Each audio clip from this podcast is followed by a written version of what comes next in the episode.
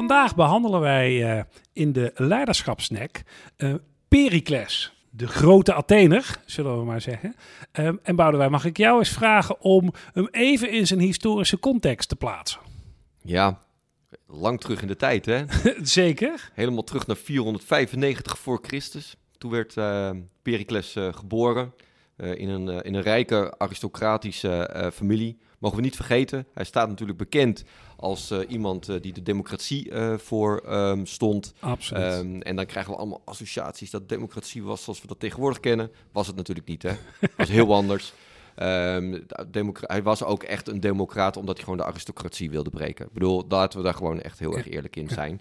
Hij kwam aan de macht uh, zo rond uh, 460 uh, voor, voor Christus. Ja. hij kreeg toen de functie strategos. Mhm. um, bij, in Athene. Nou, dat Ja. is gewoon de generaal. Mhm. Um, en had daarin dan een, ook een uitzonderingspositie. En elk jaar wist hij uh, zichzelf uh, weer opnieuw, Opnieuw, uh, ja, ja, te, verkiezen, te laten ver- verkiezen. Ja. Um, dus hij heeft gewoon lange tijd heeft hij, heeft hij aan de macht gestaan. Um, hij heeft een tweetal oorlogen eigenlijk gelijktijdig ook moeten, moeten voeren. Zeker. Met de Persen, uh, met de Spartanen. Ja. En dat heeft ook wel echt uh, de, de, de, zijn, ja, zijn regentschap eigenlijk wel uh, getekend. Uh, maar er is ook een lange tijd tussen vrede geweest. En die periode heeft toch wel, is bekend komen te staan als de gouden eeuw van, van Athene. Ja. Qua machtspositie, et cetera. Ja, en, en dat is wel een mooie brug, hè? want jij, je had het net over die twee oorlogen. En het is bijna uitnodigend uh, als je het hebt over van, joh, wat zullen wij nou bespreken als het gaat om Pericles? Uh, om het daarover te hebben, hè? omdat het echt wel een soort van, uh, een van de weinigen is die op zo'n schaal een, een, een twee-frontenoorlog tot, tot een goed eind heeft weten te brengen. Hè? Ik bedoel, als we historisch graven, zullen er vast ook wel meer zijn. Maar wat, wat mij er wel aan fascineerde, is dat hij tegenover de Persen stond hij eigenlijk tegenover een sterkere tegenstander dan de Atheners waren. In ieder geval op, op land. Hè? Ik bedoel, Ja. de Atheense vloot is natuurlijk legendarisch, maar uh, dat gezegd, maar dat was met de Spartanen eigenlijk ook. Toch is het hem gelukt om die beide te verslaan. En dat zou op zichzelf een prima podcast kunnen zijn. Maar wij zeiden ook al even in de voorbespreking. Ja, veel fascinerender is misschien wel wat hij daarna heeft uh, voor elkaar gekregen. Dat is natuurlijk um, wat hij volgens mij waar hij.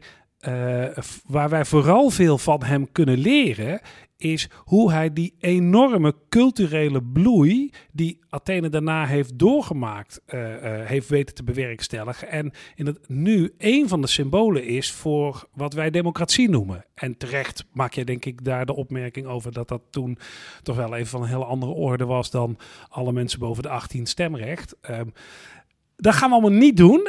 We gaan het dus even hebben um, uh, over dat stukje. Wat, wat maakt nou, welk, welke sleutel tot succes had hij nou om uh, ja, die, uh, ik noem het toch maar even samengevat, die culturele bloei van Athene voor elkaar te krijgen? Ja, en, en wat mij betreft ook, hoe behield hij nou eigenlijk de macht? Kijk, het is ja, natuurlijk dat is ook mooi. Hè, om, Zeker. Om, om macht te hebben op het moment dat je in oorlog bent en je doet het als generaal goed. Maar hoe doe je dat dan eigenlijk gewoon in vredestijd? Ja, en als je dan kijkt naar, naar Pericles, toen hij op een gegeven moment die, uh, die, die, die Delische bond wist te, te creëren, um, uh, toen um, heeft hij dat ook wel echt ja, misbruikt. Ik denk Mhm. dat er een ander woord niet voor te vinden uh, is. Um, hij, vertel, want hij, waarom vind nou, jij dat hij het misbruikt hij heeft? wist die bond te creëren en um, hij wist um, uh, vanuit die steden die daarop waren aangesloten geld richting Athene te sluizen. Want Athene was gewoon wel het middelpunt van ja. die Delische bond. En hij heeft dat geld heeft hij gewoon ingezet om ook, ja, hij was misschien wel de eerste die dacht in termen van PR. Mhm. Mm-hmm. Uh, dus hij, hij is kunstwerken is hij gaan maken. Hij stimuleerde ook echt uh, de kunsten in zijn tijd. Um, en dat deed hij, denk ik, niet om niet. Dat deed hij ook wel gewoon om, om, om meerdere eer en glorie te geven aan die tijd, aan Ja. de stad en dus ook aan hemzelf. Ja. Uh, zo staat hij ook bekend, hè? Iemand die, uh, hij was een mecenas, maar ook iemand die gewoon wist hoe hij zichzelf moest presenteren. Ja. Um, en daar, daar hielp ook bij dat hij gewoon qua postuur heel erg imposant, imposant uh, was. Hij had blijkbaar ook een heel groot hoofd. Er werd ook wel Oh. grappen over, uh, over uh, gemaakt. Dat wist ik dan weer maar, niet. Maar... Dat, dat moet toch wel ergens moet dat wel indruk um, hebben gemaakt. En hij was gewoon ook goed. Um, en dat zien we bij meerdere leiders. Ja, in, in, in, het, uh, in, in het redenaarschap. Ja. Dus hij was heel goed te spreken. De lijkrede van Pericles is natuurlijk wel eentje die ook Ja. gewoon overgeleverd is. vraag blijft of hij alles Nee. al gezegd heeft. Maar toch. Maar eh, wat jij, eh, eh, jij zegt eh, eh, eh, in die zin, eh, jij, jij roemt hem daarom. Eh jij zei ook wel van hij heeft het ook wel een beetje misbruikt.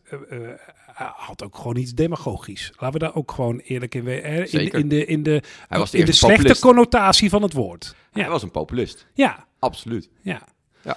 Ehm, en, en, dan is, ehm, en dan is de vraag van, joh, wa- wat kun je daar nou, als je naar zo'n man kijkt, wat, wat kun je daaruit leren? Wat, wat, overigens vind ik het eh, niet per se het populisme op zichzelf eh, heeft soms wel ten onrechte ook een slechte smaak, zeg ik daarbij. Hè? Ik bedoel, eh, ehm, eh, in die zin dat je je zeker als je naar de oude Grieken kijkt, eh, naar hun democratie, jezelf kunt afvragen wat er eigenlijk mis is als je een democratie bent. Dat je zegt van joh, ik wil graag de, zeg maar de stem van het volk in de politiek brengen. Dus de- nou, dat even als, als zijpad gezegd hebbende. Ehm, wat kunnen we hiervan leren? Wat kunnen wij nou van hem leren? Ja, ik denk dat je in ieder geval van hem eh, kan eh, leren hoe hij de mensen achter zich heeft weten te krijgen. Ja, Ehm, en dat is in eh, tijden waarin het slecht gaat en ook wel in tijden waarin het goed gaat, is dat een kunst op zichzelf natuurlijk. Ehm, wat we al eerder eh, eh, zeiden, was van ja, misschien is dat wel heel makkelijk in tijden van oorlog. En als je dan goed weet te presteren. Maar hoe knap is het dan eigenlijk wel niet dat als het goed gaat, dat je nog steeds die macht weet eh, vast te houden. En dat je dus mensen blijkbaar weet te overtuigen om met jou mee te gaan. En dat je daar ook dat niet alleen doet met woorden en niet alleen doet met, met, met, met, met oorlogsdaden, maar dat je dat ook doet door, door symboliek, door, door, door de kunsten. Eh, dat, dat vind ik echt een heel mooi element ehm, hierin. Dat hij een volle breedte eigenlijk aan eh, instrumenten inzet om, ehm, om, om, te laten, om zijn leiderschapkracht bij te zetten. ja. Nou ja, en wat, wat later, en we hebben ook al eens tegen elkaar gezegd, eh, iemand als Niccolo Machiavelli, die verdient ook nog wel eens een keer een, eh, een, een aflevering in deze podcast. Die vind ik heel vaak wel verkeerd geciteerd. Hè? Ik bedoel, het doel heiligt de middelen, maar hij zegt daar wel iets achter, namelijk dat doel moet wel ergens toe dienen. Die moraliteit, die is bij Pericles echt wel een stuk minder. Hè? Die, die was er ook gewoon op uit om Athene en zichzelf groot te houden. Ja. Maar hij deed dat wel op een manier waarop hij zei van ja, wacht even, ik heb dus iets, eh, oké, dat is er.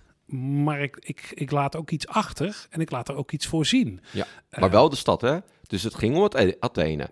En Ja. daar had hij natuurlijk ook zijn, eh, Zeker. zijn machtsbasis. En datgene wat daar omheen gebeurde, dat Ja. was wel inderdaad eh, ja, de, het, eh, de middelen die hij inzette om zijn doel te bereiken. Zeker. Zeker, nee, maar ik, wat, wat ik wel. eh, dat is natuurlijk een persoonlijke overtuiging hè, die ik nu inbreng. Dat realiseer ik me ook. Hè. Wat mij betreft zou dat persoonlijk gewin ehm, eh, no- nooit voldoende eh, titel zijn om deze dingen te doen. Hè. Ehm, maar op het moment dat je het verbindt aan van ja, maar ik ben er, ik ben er voor de stad Athene. Ja. Ja, ja dan past wel. Eh, misschien be good and tell it. En in zijn geval is tell it eh, niet alleen door redenen eh, te houden, maar ook door echt die prachtige kunstwerken natuurlijk te laten creëren. En al die symboliek die die grootheid van die stad ook liet zien. Jazeker. Ja, ja mooi. Nou, weer een leerzaam, een leerzaam gesprek zo. Dankjewel.